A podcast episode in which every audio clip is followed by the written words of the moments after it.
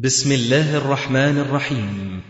تسجيلات السلف الصالح للصوتيات والمرئيات والبرمجيات. تقدم هذا الإصدار لفضيلة الشيخ الدكتور محمد إسماعيل. الدرس التاسع.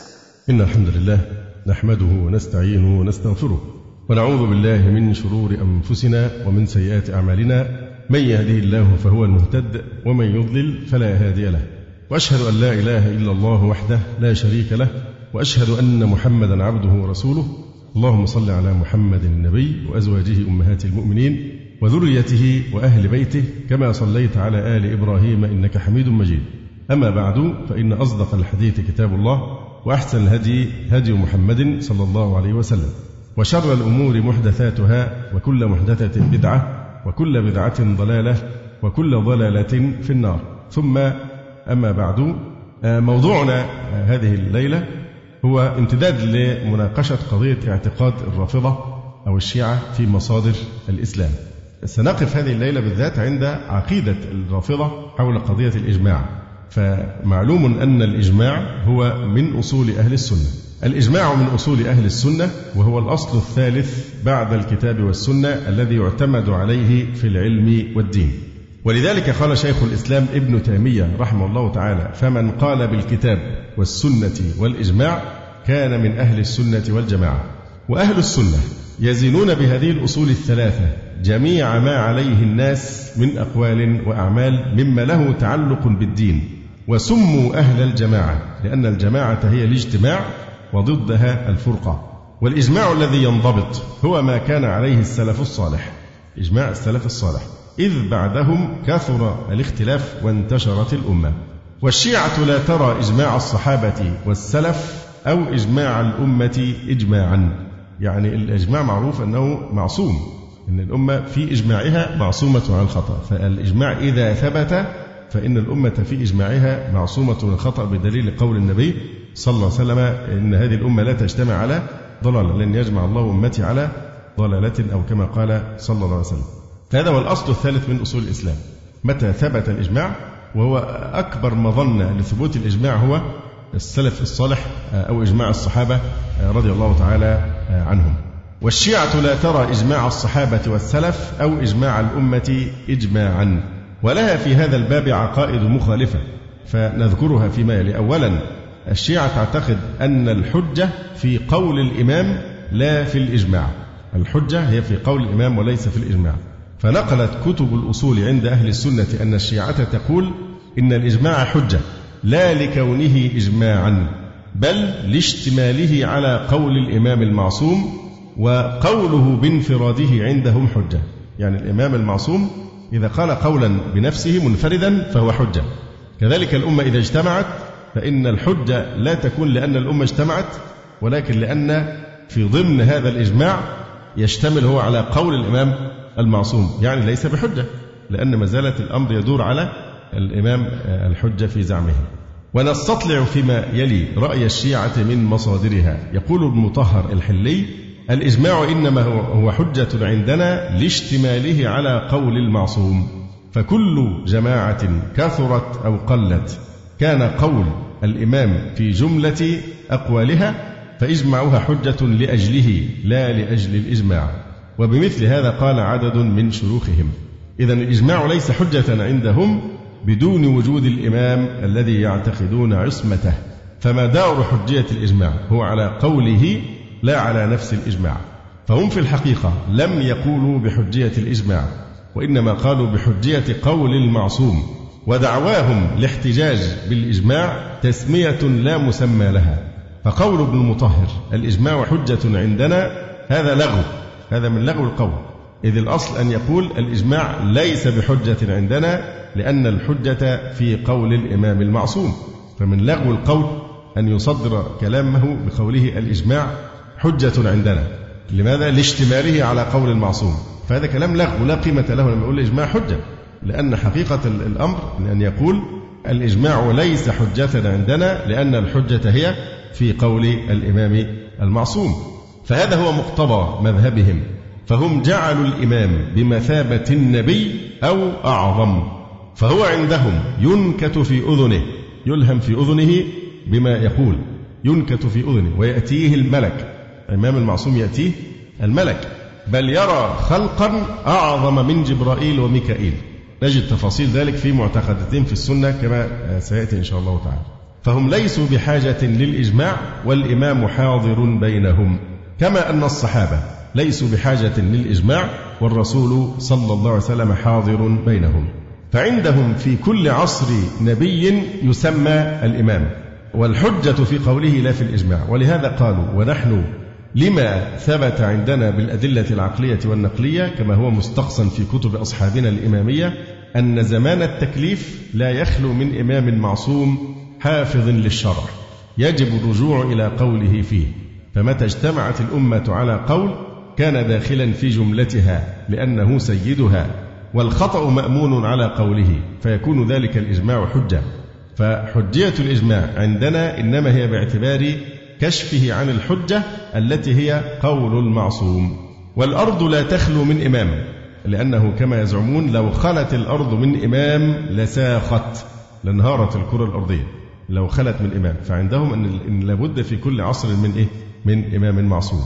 فمعنى أنه لو خلت الأرض من إمام لساخت ومعنى أن الحجة ليست في الإجماع وإنما هي في قول الإمام المعصوم فهذا في الحقيقة هو استمرار تعطيل لمبدأ الإجماع.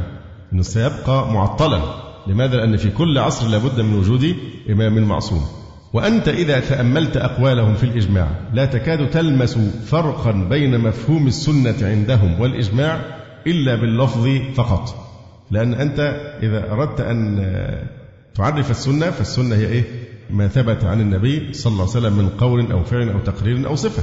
أما السنة عندهم فلها تعريف آخر. السنة هي قول المعصوم والإجماع المعتبر عندهم هو الكاشف عن قول المعصوم. ولك أن تعجب لماذا يعدون الإجماع أصلا يقررونه في كتبهم الأصولية؟ وهو اسم بلا مسمى. حتى قرروا بأنه لا عبرة بأقوال فقهائهم ولو بلغوا المئة يقولون أما الإجماع فعندنا هو حجة بانضمام المعصوم. فلو خلا المئة من فقهائنا عن قوله لما كان حجة. ولو كان في اثنين رأي اثنين واحد منهم هو الإمام لكان قولهما حجة لا باعتبار اتفاقهما بل باعتبار قول الإمام المعصوم. إذا معنى هذا أن الإجماع عند الرافضة لغو لا فائدة في القول فيه أصلا وإنما نهاية أمرهم أنهم سموا السنة باسم الإجماع. يبدو أن هذا الاعتراض أثير على الشيعة في عصور متقدمة. فقد نقل بعض شيوخ الشيعة عن الشريف المرتضى أنه قال إننا لسنا بادئين بالحكم بحجية الإجماع حتى يرد كونه لغوا وإنما بدأ بذلك المخالفون وعرضوه علينا فلم نجد بدا من موافقتهم عليه فوافقناهم في أصل الحكم لكونه حقا في نفسه وإن خالفناهم في علته ودليله يعني أنهم قلدوا لمجرد التقليد والمحاكاة.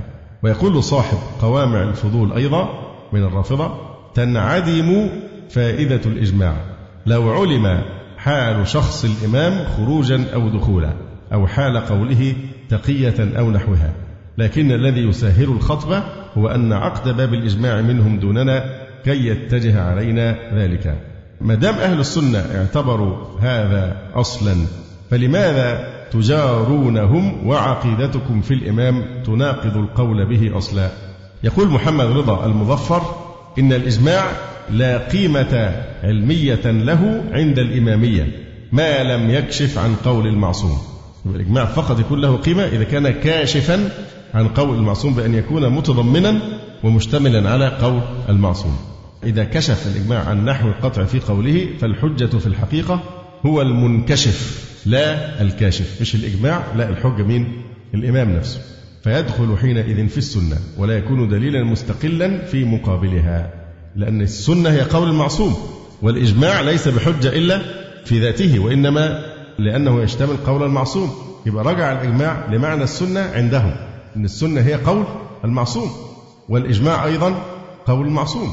ويقول رضا الصدر وأما الإجماع عندنا معاشر الإمامية فليس بحجة مستقلة تجاه السنة بل يعد حاكيا لها إذ منه يستكشف رأي المعصومين عليهم السلام. ويذكر شيخهم محمد جواد مغنية وهو من شيوخهم المعاصرين أن ثمة تباينا بين موقف متقدم الشيعة وبين موقف متأخريهم في مسألة الإجماع. حيث اتفق المتقدمون من الشيعة على أن مصادر التشريع أربعة الكتاب والسنة والإجماع والعقل. وغالوا في الاعتماد على الإجماع حتى كادوا يجعلونه دليلا على كل أصل وكل فرع. وعد المتأخرون لفظ الإجماع مع هذه المصادر ولكنهم أهملوه بل لم يعتمدوا عليه إلا منضما مع دليل آخر في أصل معتبر. هذا الكلام ليس على إطلاقه لأن من المتأخرين منهم من يعد الإجماع دليلا مستقلا. هذا وإمامهم انقطع ظهوره منذ القرن الثالث. نرجع للمشكلة العجيبة بتاعت الشيعة لأن الإمام المعصوم الذي يقولون إن الحجية في قوله سواء السنة أو الإجماع انقطع ظهوره منذ القرن الثالث. فكيف الطريق للوصول لرأيه الكاشف عن حجية الإجماع؟ كيف نستطلع رأيه حتى يكشف لنا عن حجية الإجماع. يرى شيخهم الحر العاملي ومن سلك سبيله من الإخباريين أنه يتعذر الوصول لرأيه بعد غيبته. مش قادرين نوصله لأنه غاب غاب الغيبة الكبرى. وبالتالي لا يثبت الإجماع لأنه لا يمكن تحصيل العلم بدخوله فيهم ولا يظن به بعد غيبته. فلا يدرى في البر أم في البحر. إحنا مش عارفينه فين المهدي في البر ولا في البحر؟ في المغرب أم في المشرق؟ بينما يذهب الأصوليون إلى ثبوت الإجماع وإمكانية معرفة رأي الإمام. يقول شيخهم الهمداني في مصباح الفقيه إن المدار على حجية الإجماع على ما استقر عليه رأي المتأخرين. ليس على اتفاق الكل بل ولا على اتفاقهم في عصر واحد بل على استكشاف رأي المعصوم بطريق الحدس. والحدس هو الظن والتخمين. إزاي بقى؟ استكشاف رأي المعصوم بطريق الإيه؟ الحدس. تخمين من فتوى علماء الشيعة الحافظين للشريعة. لما نشوف علماء الشيعة الحافظين للشريعة بيفتوا بإيه؟ يبقى نخمن إن هم أكيد كلامهم ناشئ عن إيه؟ عن معرفة أو موافقة لقول الإمام المعصوم. وهذا مما يختلف باختلاف الموارد. فرب مسألة لا يحصل فيها الجزم بموافقة الإمام. وإن اتفقت فيها آراء جميع الأعلام. ورب مسألة يحصل فيها الجزم بالموافقة ولو من الشهرة. إذا هذا الكلام يكشف عن أن طريق معرفة قول الإمام عندهم هي الإيه؟ الحدس. الحدس التخمين والظن. فانظر كيف يجعلون اكتشاف قول المعصوم بطريق الحدس والظن هو العمدة. وإجماع السلف ليس بعمدة. فإجماع السلف عندهم ليس بعمدة. ولا حجة. لكن استكشاف قول المعصوم عن طريق الظن الحدس والتخمين حجة وعمدة. هذه مفارقات في غاية الغرابة. واتفاق جميع أعلامهم لا يحصل به الجزم بموافقة الإمام. ومجرد الشهرة يحصل بها الجزم ولو لم يحصل اتفاق. إنها مقاييس مقلوبة كما أنه اعتراف منهم بأن شيوخهم قد يتفقون على ضلالة. ومع إنكارهم حجية الإجماع في الحقيقة فقد أثبتوا العمل بقول طائفة مجهولة وترك ما تقوله الطائفة المعروفة. عللوا لهذا المسلك الشاذ بأن الإمام مع الطائفة المجهولة. يقول صاحب معالم الدين إذا اختلفت الإمامية على قولين فإن كانت إحدى الطائفتين معلومة النسب ولم يكن الإمام أحدهم كان الحق مع الطائفة الأخرى. وإن لم تكن معلومة النسب. حتى اعتبروا وجود هذه الطائفة المجهولة شرطا لتحقق الإجماع في عصور الغيبة. قالوا الحق امتناع الاطلاع عادة على حصول الإجماع في زماننا هذا وما ضاهاه من غير جهة النقل. إذ لا سبيل إلى العلم بقول الإمام كيف وهو موقوف على وجود المجتهدين المجهولين ليدخل في جملتهم ويكون قوله رضي الله عنه مستورا بين أقوالهم. وهذا مقطوع بانتفائه فكل إجماع يدعى في كلام الأصحاب مما يقرب من عصر الشيخ إلى زماننا هذا وليس مستندا إلى نقل متواتر أو أحاد حيث يعتبر أو مع القرائن المفيدة للعلم فلا بد أن يراد به ما ذكره الشهيد من الشهرة. إذا أيضا العمدة عندهم هو قول الطائفة المجهولة وهذا عزيز الوجود فمنذ ما يقارب عصر شيخ الطائفة الطوسي لم يطلع على مثل هذا. والإجماع الموجود هو الإجماع المنقول وكأنه قبل عصر الشيخ قد وجد مثل هذا الإجماع. وهؤلاء الذين يرفضون إجماع الصحابة يبحثون عن قول طائفة مجهولة ليأخذوا به. ثم هم قد أصابوا في عدم الاعتداد بأقوال شيوخهم وإن اتفقت كلمتهم ولكنهم ضلوا في إعراضهم عما أجمع عليه الصحابة والسلف. وهم في وصولهم إلى ما يسمى بالإجماع عندهم يتخبطون أيما تخبط حتى صارت إجماعاتهم المتعارضة كرواياتهم المتضاربة التي نلاحظها أثناء آه، مراجعة كتاب كالاستبصار أو البحار أو غيرهما. بل إن العالم الواحد تتضارب أقواله في دعوى الإجماع. مثلا ابن بابويه القمي صاحب من لا يحضره الفقيه. أحد الكتب الأربعة المعتمدة التي عليها مدار العمل عندهم. قالوا عنه إنه لا يدعي الإجماع في مسألة ويدعي إجماعا آخر على خلافها وهو كثير. إنه بيتناقض. مرة يقول إجماع حصل على كذا ومرة ثانية يقول إجماع حصل على عكس. هذا الرأي. حتى قال صاحب جامع المقال ومن هذه طريقته في دعوى الإجماع؟ كيف يتم الاعتماد عليه والوثوق بنقله؟ بل ربما ادعوا الإجماع في أمر لا قائل به أمر لم يقل به أحد أصلا. يقول شيخهم النوري الطبرسي ربما يدعي الشيخ والسيد إجماع الإمامية على أمر وإن لم يظهر له قائل ولا واحد قال ويسمونه مع ذلك إيه؟ إجماع كما ذكر شيخهم الطبرسي وأكد على وجود الإجماعات المتعارضة من شخص واحد ومن معاصرين أو متقارب العصر ورجوع المدعي عن الفتوى التي ادعى الإجماع فيها ودعوى الإجماع في مسائل غير معنونة إلى آخره. هذا قول الطبرسي وهو الخبير المتتبع لكتبهم. واضطر ليكشف هذا لنصرة مذهبه الذي ألف فصل الخطاب من أجله ويرد دعوى الإجماع على خلافه. فاستفدنا من هذا الاعتراف غير المقصود لذاته لنبين اضطرابهم في هذا الأصل. ثم إنهم وهم يقولون بأن الإجماع هو ما يكشف عن قول المعصوم. لا يطبقون هذا. بل يتتبعون اتفاق أصحابهم لا قول معصومهم. ولهذا قال صاحب معالم الدين حينما ذكر ما قاله أحد كبار شيوخهم من أن العمدة هو كلام المعصوم لا اتفاق الفقهاء بدونه. قال والعجب من غفلة الأصحاب عن هذا الأصل وتساهلهم في دعوى الإجماع عند احتجاجهم به للمسائل الفقهية. حتى جعلوه عبارة عن مجرد اتفاق الجماعة من الأصحاب فعدلوا به عن معناه الذي جرى عليه الاصطلاح من غير قرينة جلية ولا دليل على الحجية معتدا به. يعني حقيقة الأمر أنهم لا يقولون بالإجماع ومع ذلك يجعلونه من أصول أدلتهم ثم يتناقضون في دعواه ادعاء الإجماع وفي تطبيقه أيما تناقض.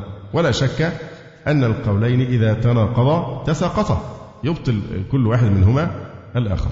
حين وحتى يتجلى لك الفرق جليا بين مذهب أهل السنة في القول بحجية الإجماع وبين مذهب الشيعة في ذلك. فلك أن تتصور أنه لو صدر من إمامهم محمد الجواد والذي قالوا بإمامته وهو ابن خمس سنين لو صدر منه وهو في هذا العمر قول أو رأي. طفل عنده خمس سنوات. صدر عنه رأي أو قول. أو نسب إليه عن طريق جماعة من الروافض أنه يقول في أمر شرعي بحكم أو قول وخالفته في ذلك الأمة الإسلامية جميعا فإن الحجة في رأيه لا في إجماع الأمة. وقد جاء في أصول الكافي القول بإمامة الإمام ولو كان عمره ثلاث سنين. لو الإمام عمره ثلاث سنوات فقوله إيه؟ حجة وهو يعني آه، معصوم. في بعض الروايات ولو كان ابن أقل من ثلاث سنين. ولو أثر عن منتظرهم. لو جاء واحد جاب أي إسناد كده عن المهدي اللي في السرداب الخرافة. لو أثر عن منتظرهم الذي قال التاريخ بأنه لا وجود له. لو أثر عن المنتظر المهدي المنتظر قول ولو عن طريق حكايات الرقاع. بعضهم كان يدعي إنه بيقابله بيجيب له إيه فتاوى مكتوبة من المهدي المنتظر في السرداب حكايات الرقاع. وخالفه في هذا القول أو ذلك الحكم المسلمون جميعا. فإن القول قول هذا المعدوم الذي لم يوجد. ولا عبرة بقول المسلمين جميعا. قال مفيدهم في تقرير هذا. أنا الكلام ده أهميته إيه؟ عشان لما نسمع الناس بتقول ده هم زينا بالضبط يا جماعة ده هم بيقولوا بالكتاب والسنة والإجماع. فالحقيقة أن هذه عبارات طنانة مفرغة من محتواها. الكتاب إحنا بدأنا بنناقش دلوقتي قضية قولهم في تحريف القرآن الكريم يوم السبت. السنة هي قول المعصوم وليست قول النبي عليه الصلاة والسلام. فالشيعة لا يعترفون لا بالبخاري ولا مسلم ولا الترمذي ولا النسائي ولا أبا داود ولا كل هذه الأشياء لا حجة إطلاقا فيها لأن السنة هي قول المعصوم.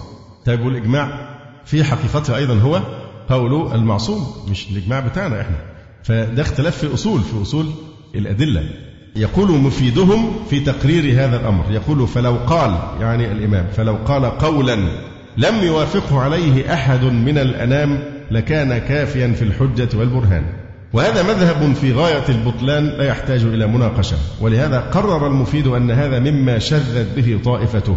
فقال وهذا مذهب أهل الإمامة خاصة ويخالفهم فيه المعتزلة والمرجئة والخوارج وأصحاب الحديث. هناك أمر خطير جدا يعكس أهمية موضوع الإجماع عند الشيعة. مهم جدا إحنا نلتفت إليه. أنه عند الرافضة قاعدة ما خالف العامة ففيه الرشاد. يعني إذا احترت في مسألة فيها قولان مثلا فيقول لك يعني زي ما واحد سأل أحد متن فبيقول له كما حكي يعني فبيقول له أكون في بلد ليس فيها عالم من علماء الشيعة شيعتنا وأحتاج أن أستفتي.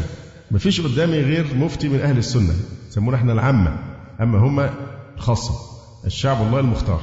فالعامة دول بقى الغوغاء العامة أهل السنة علماء أهل السنة بيقول أنا أوجد في بلد وليس أمامي غير مفتي من أهل السنة.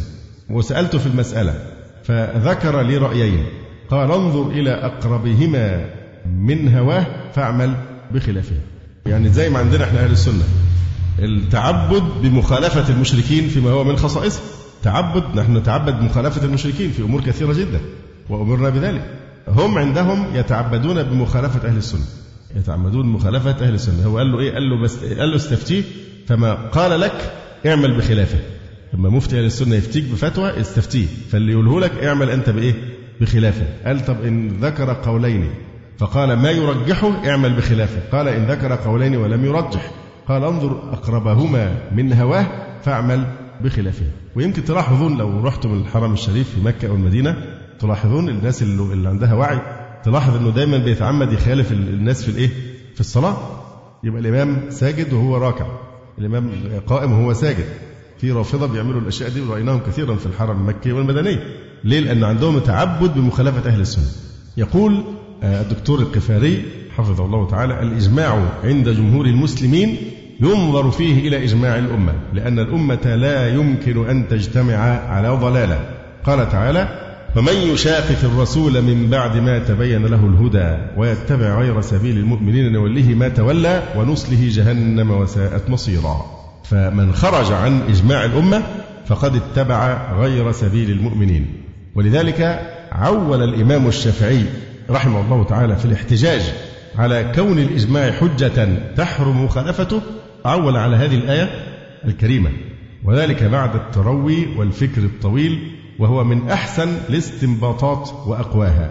وإن كان بعضهم قد استشكل ذلك فاستبعد الدلالة منها. يقول الإمام ابن كثير قوله تعالى ويتبع غير سبيل المؤمنين هذا ملازم للصفة الأولى. ومن يشاقق الرسول من بعد ما تبين له الهدى.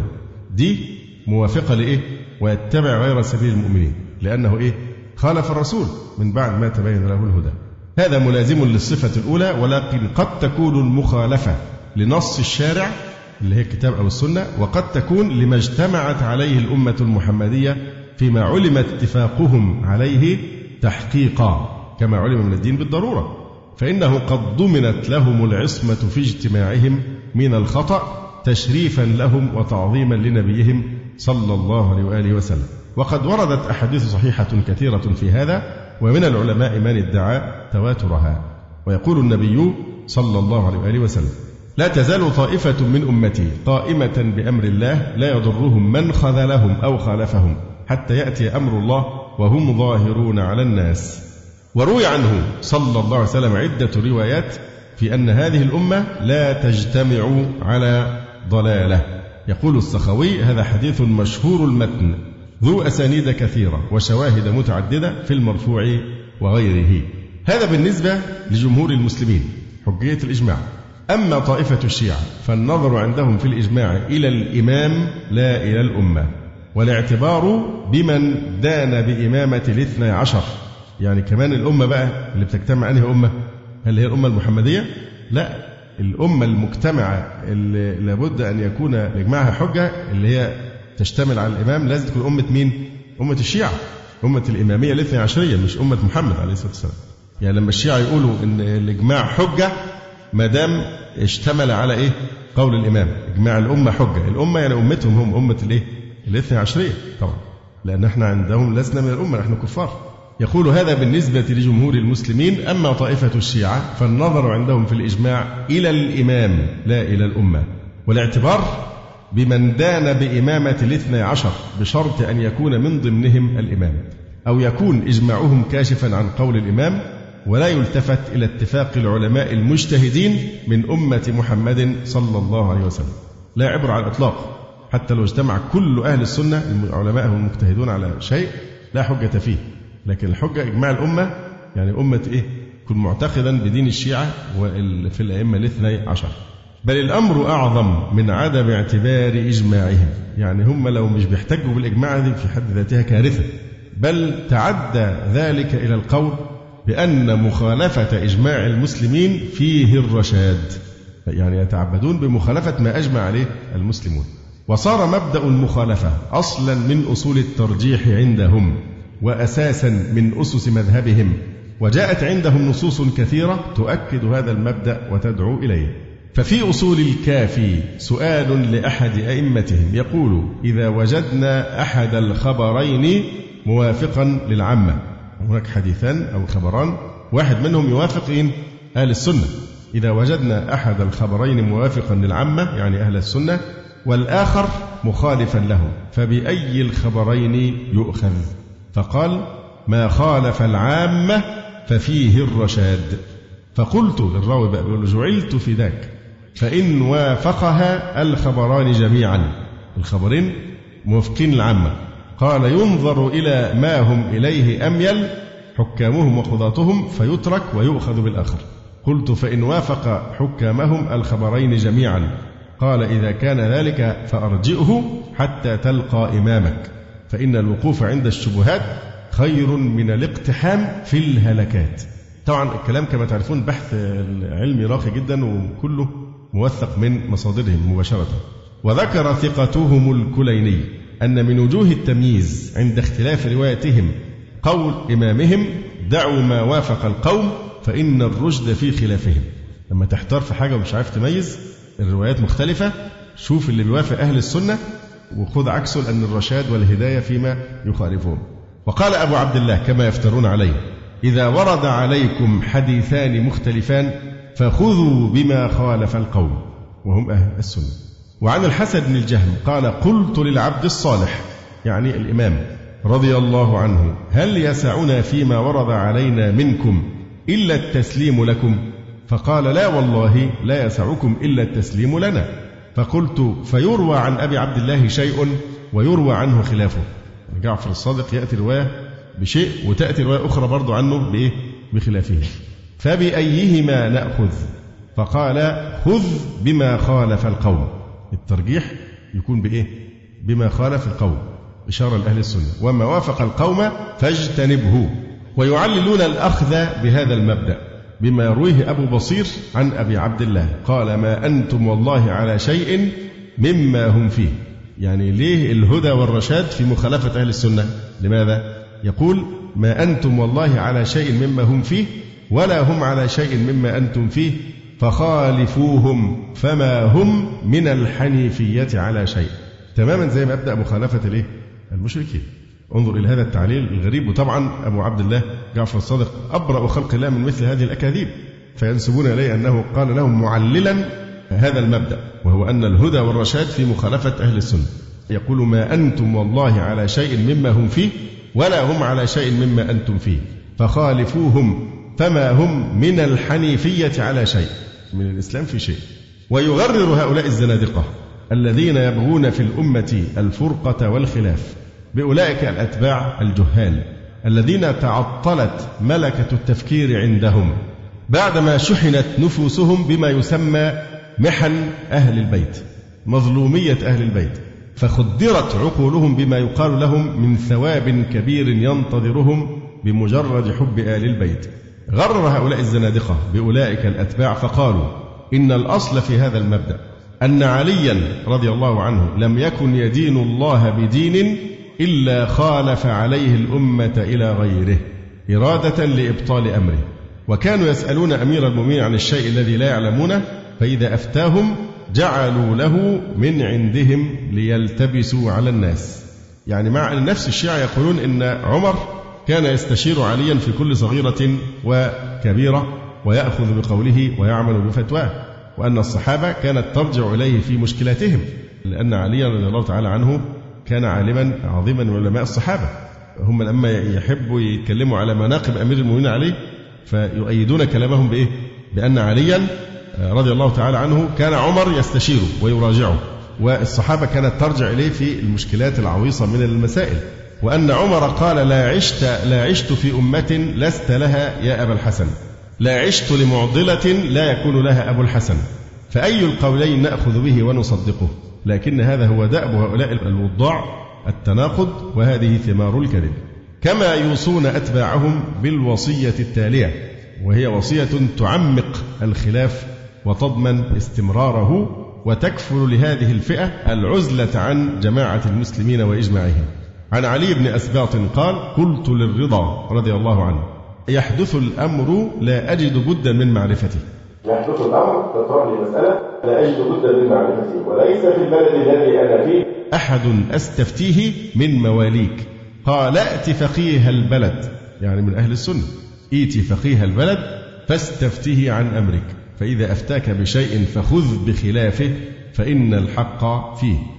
أحد شيوخهم يعلق على هذا النص فيقول من جملة نعماء الله على هذه الطائفة المحقة أنه خلى بين الشيطان وبين علماء العامة فأضلهم في جميع المسائل النظرية حتى يكون الأخذ بخلافهم ضابطة لنا ونظيره ما ورد في حق النساء شاوروهن وخالفوهن.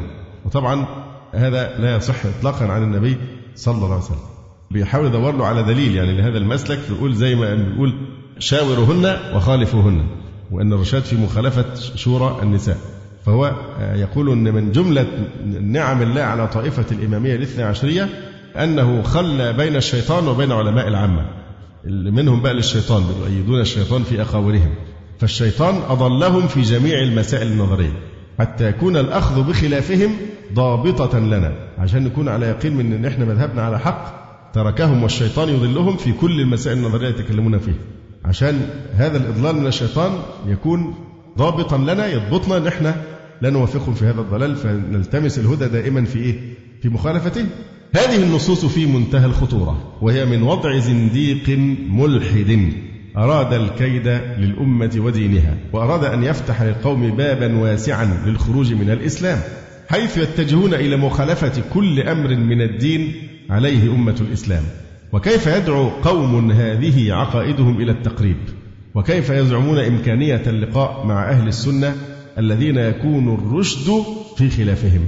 يقول بالإضافة إلى ما ألمحنا إليه في أثناء العرض نوضح هذه المسألة أكثر فنقول أما ثبوت حجية الإجماع فقد تكفلت كتب الأصول ببيانه والاستدلال عليه بما يغني ويكفي. والشيعة تقر بالإجماع اسما. وتخالفه حقيقة. وقد نقل شيخهم المعاصر مغنية اتفاق شيعته القدماء على القول بالإجماع وأن المتأخرين عدوه من أصول أدلتهم ولكن لم يعتمدوا عليه. وهذا يعني أنهم خالفوا الإجماع الذي عدوه من أصول أدلتهم أو أن قدماء الشيعة قد أجمعوا على ضلالة أو أن متأخريهم خالفوا الحق الذي أجمع عليه متقدموهم. والحقيقة أن مآل الجميع إلى الإنكار وإن كثر ادعاء بعضهم في هذا الباب لا سيما في كتب الأصول عندهم. ذلك أن دعوى الإجماع عند التمحيص مجرد لغو لا حقيقة له. بالإضافة إلى ذلك فإن حيرتهم في الوصول إلى هذا الإجماع الذي يدعونه برهان جلي يدل على أنهم ليسوا على شيء. ومن أوضح الأمثلة على ذلك اشتراطهم وجود عالم مجهول النسب. لتحقق الإجماع على اعتبار أن يكون هو الإمام الغائب. وقد اعتبر شيخ الإسلام ابن تيمية ذلك من أعظم الجهل حيث قال رأيت في كتب شيوخهم أنهم إذا اختلفوا في مسألة على قولين وكان أحد القولين يعرف قائله والآخر لا يعرف قائله.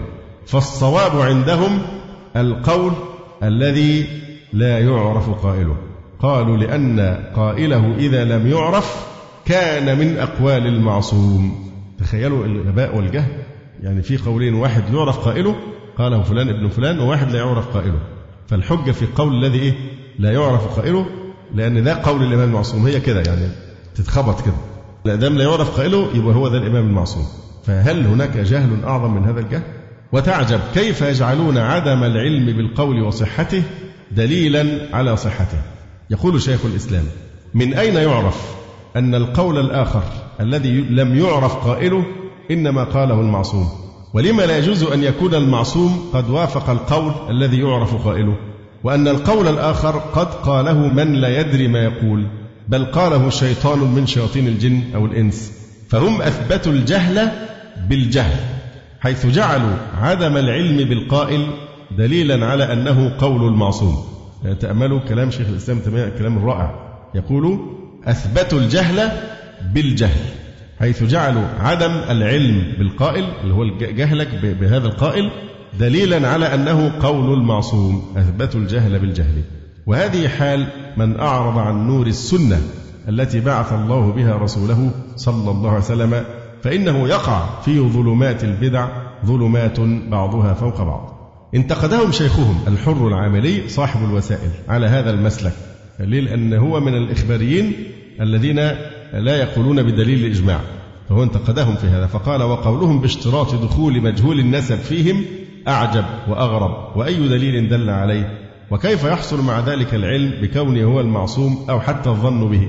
وأمر آخر لا يقل عن هذا وهو كيف يجعل قول طفل عمره خمس سنين لم يخرج عن طور الحضانة بمنزلة إجماع الأمة بأسرها بل يرفض إجماع الأمة ويؤخذ بقول صبي أو معدوم وهذا في غاية الفساد.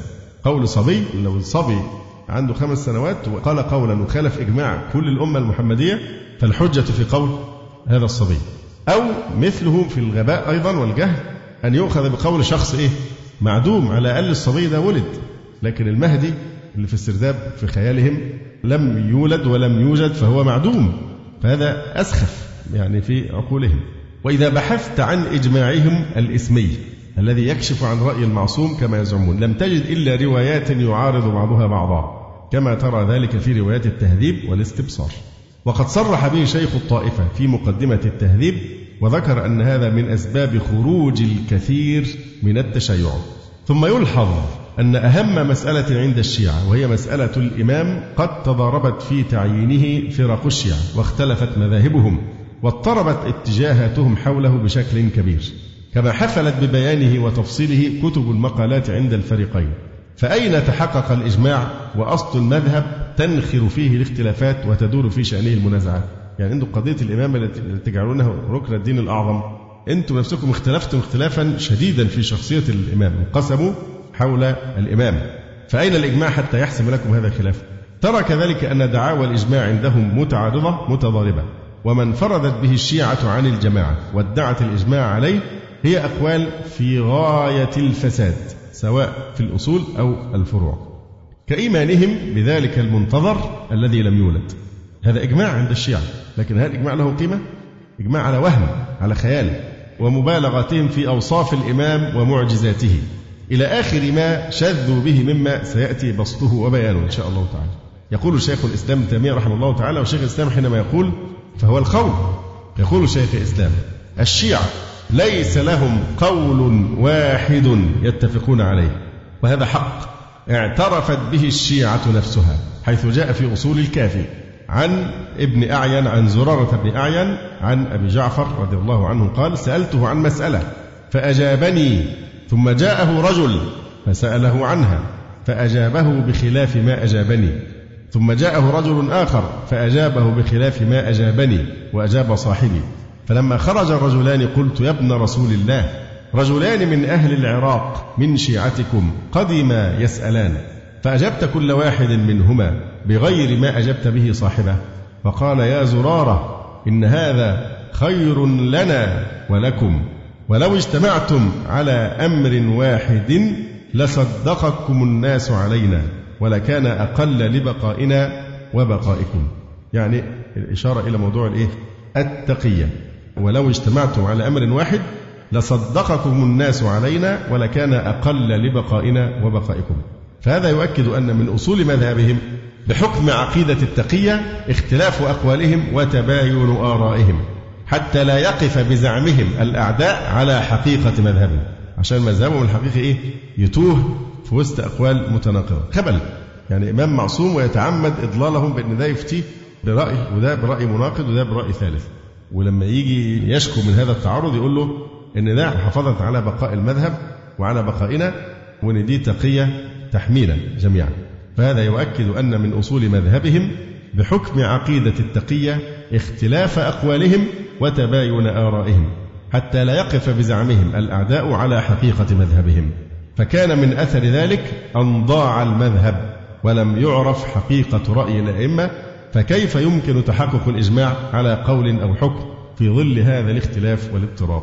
والإمام أبو جعفر بريء من هذا لكن هذا من اختراع الزنادقة حتى لا يعرف الشيعة رأي أبي جعفر وغيره من علماء آل البيت ليتسنى لهم نشر كفرهم وغلوهم. وكلما كذب هذا الغلو أئمة أهل البيت قالوا هذا تقيا لما تجيب نصوص لأئمة أهل البيت تبطل ما هم عليه من الضلال يقولون لا إنما قاله تقية. وهم ينازعون في ثبوت عصمة الإمام. يقول قال علامة الهند صاحب التحفة الاثنى عشرية. وأما الإجماع فدعواهم أنه من أدلتهم باطل لأنه كونه لأن كونه حجة ليس بالأصالة بل لكون قول المعصوم في ضمنه. فمدار حجيته على قول المعصوم لا على نفس الإجماع. وهم ينازعون في ثبوت عصمة الإمام كما ينازعون في تعيينه. وأيضا إجماع الصدر الأول يعني قبل حدوث الاختلاف في الأمة غير معتبر عندهم لأنهم أجمعوا على خلافة أبي بكر وعمر. لا الصحابة أجمعوا على خلافة أبي بكر وعمر. لا هم لا يحتجون إطلاقا بهذا الإجماع. ومنع ميراث النبي صلى الله عليه وسلم وحرمة المتعة هذا أيضا ما أجمع عليه الأمة. هذا باطل في نظرهم فإذا كان هذا الإجماع غير معتبر عندهم فبعد حدوث الاختلاف في الأمة وتفرقهم بفرق مختلفة كيف يتصور الإجماع؟ ولا سيما في المسائل الخلافية المحتاجة إلى الاستدلال وإقامة الحجة القاطعة.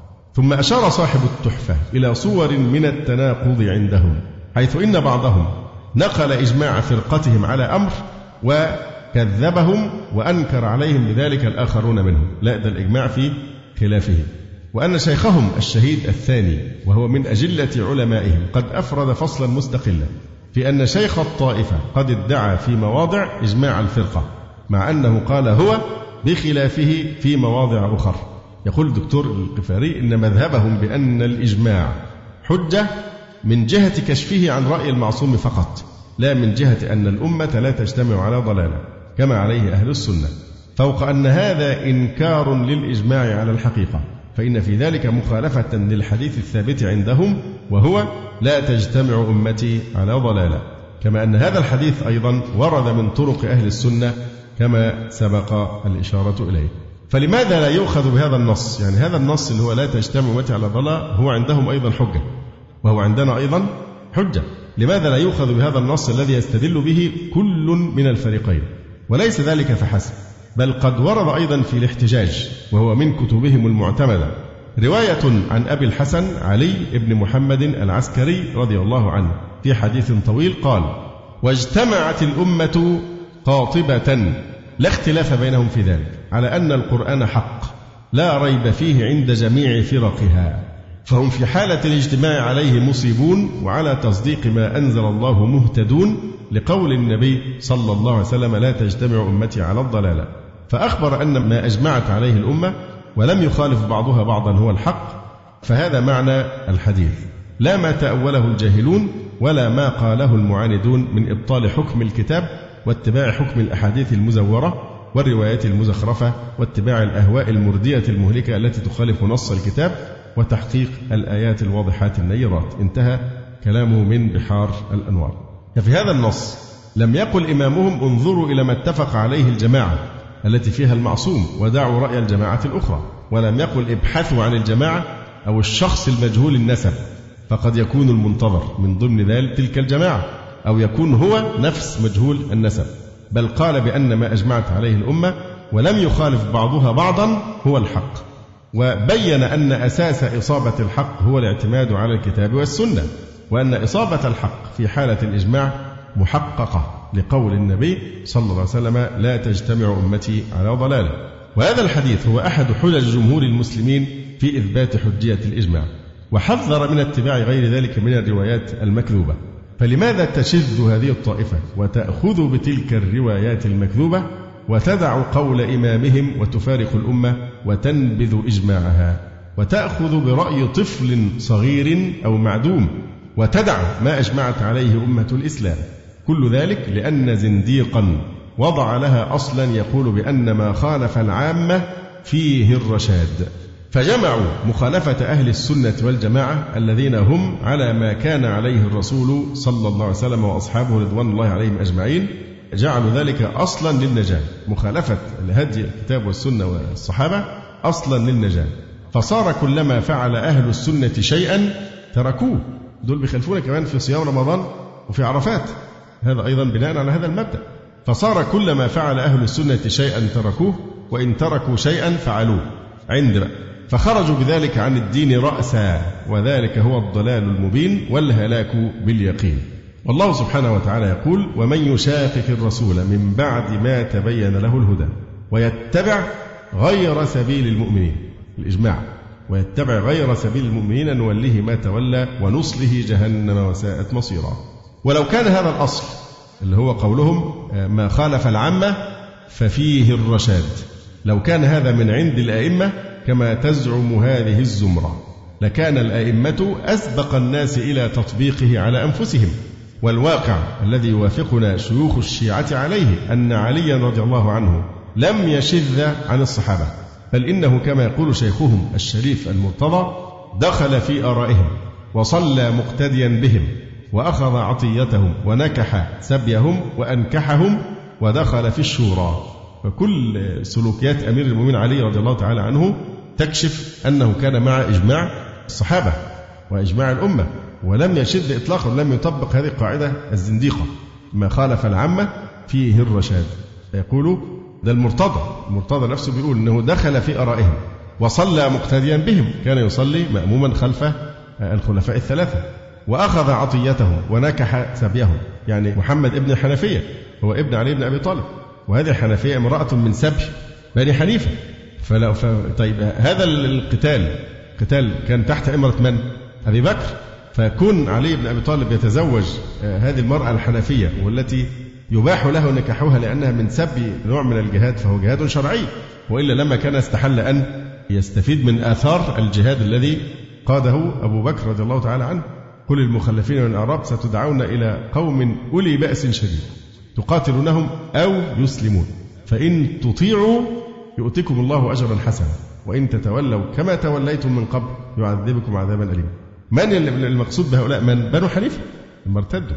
فهنا الله سبحانه وتعالى في القرآن الكريم يثني على من يطيع الإمام الذي سوف يأمرهم. ستدعون إلى قوم أولي بأس شديد. فإن تطيعوا يؤتكم تطيعوا من؟ تطيعوا أبا بكر لأنه هو الذي أمرهم بذلك. وإن تتولوا كما توليتم من قبل يعذبكم عذابا وهذا يدل على شرعية خلافة وإمامة أبي بكر خليفة رسول الله صلى الله عليه وآله وسلم. فعلي لم يذهب إلى مخالفة الصحابة في أي شيء مما أجمعوا عليه وكان رضي الله تعالى عنه يكره الاختلاف. كما روى البخاري عن أمير المؤمنين علي رضي الله عنه قال أقضوا كما كنتم تقضون فإني أكره الاختلاف حتى يكون الناس جماعة. انظر الكلام الحق منير. إن على الحق نورا. انظر إلى كلام أمير المؤمنين أقضوا كما كنتم تقضون فإني أكره الاختلاف حتى يكون الناس جماعة. يقول ابن حجر رحمه الله قوله فإني أكره الاختلاف أي الذي يؤدي إلى النزاع. قال ابن التين يعني مخالفة أبي بكر وعمر. وقال غيره المراد المخالفة التي تؤدي إلى النزاع والفتنة. ويؤيده قوله بعد ذلك حتى يكون الناس جماعة. وكل ما ينفرد به الشيعة وتشذ به ليس من هدي علي رضي الله تعالى عنه. كان علي رضي الله تعالى عنه مع الأمة في إجماعها لأن فيه الرشاد. لا في مخالفتهم كما تدعيه هذه الزمرة الحاقدة على الأمة والتي تبغي فيها الفرقة والشتات. ولهذا لم نجد إجابة عن موافقة علي رضي الله عنه للأمة إلا بدعوى التقية. لما تقول لهم طب علي فعل كذا علي أطاع أبو بكر وعمر علي لم يعترض على كذا. فيقولوا لا دي كانت إيه؟ تقية. طيب تقية وهو ماشي واحد من الرعية. لكن لما بقى خليفة بقى في تقية برضه؟ بقى هو الخليفة الممكن. يقول ولهذا لم نجد إجابة عن موافقة علي رضي الله عنه للأمة إلا بدعوى التقية أي نفاق علي للصحابة برأه الله مما يفترون وهي دعوة تتناقض مع العقل والتاريخ فضلا عن الشرع والدين فلم يستطع شيوخ الشيعة كما ترى أن يثبتوا على علي تطبيقه لهذا الأصل المفترى بل أقروا بموافقته للأمة على لسان شيخهم الشريف المرتضى. وحتى إبان خلافته وامتلاكه لزمام الأمور التي تنتفي معها التقية لم يقدروا على إنكار موافقته للأمة. يقول شيخهم نقمة الله المسمى نعمة الله الجزائري ولما جلس أمير المؤمنين عليه السلام على سرير الخلافة لم يتمكن من إظهار ذلك القرآن وإخفاء هذا. القرآن الحقيقي. لما جلس أمير المؤمنين عليه السلام على سرير الخلافة. لم يتمكن من إظهار ذلك القرآن وإخفاء هذا. لما فيه من إظهار الشنعة على من سبقه. كما لم يقدر على النهي عن صلاة الضحى. وكما لم يقدر على إجراء المتعتين متعة الحج ومتعة النساء. وكما لم يقدر على عزل شريح عن القضاء ومعاوية عن الإمارة. فثبت بنقل الفريقين أن أمير المؤمنين لم يفارق إجماع الأمة. وأن الإمامية قد خالفت سيرته حينما وضعت لنفسها مبدأ مخالفة الأمة فليست له بشيعة وليس لها بإمام. رضي الله تعالى عنه وعن سائر الصحابة أجمعين. أقول قولي هذا واستغفر الله لي ولكم. سبحانك اللهم ربنا وبحمدك أشهد أن لا إله إلا أنت أستغفرك وأتوب إليك. جزى الله فضيلة الشيخ خير الجزاء ونسأل الله جل وعلا أن يرفع مكانة الشيخ في المهديين وأن يجعله علما من أعلام الهدى والدين. ولا تنسونا وتنسوا الشيخ من دعوة صادقة بظهر الغيب. وتقبلوا تحيات إخوانكم في تسجيلات السلف الصالح بالإسكندرية. هاتف رقم صفر ثلاثة فاصل أربعة تسعة أربعة سبعة ستة خمسة اثنان. والتليفون محمول صفر عشرة واحد ستة أربعة واحد تسعة ثمانية صفر. والسلام عليكم ورحمة الله وبركاته. أخي الكريم نرجو مواصلة الاستماع إلى الشريط الثاني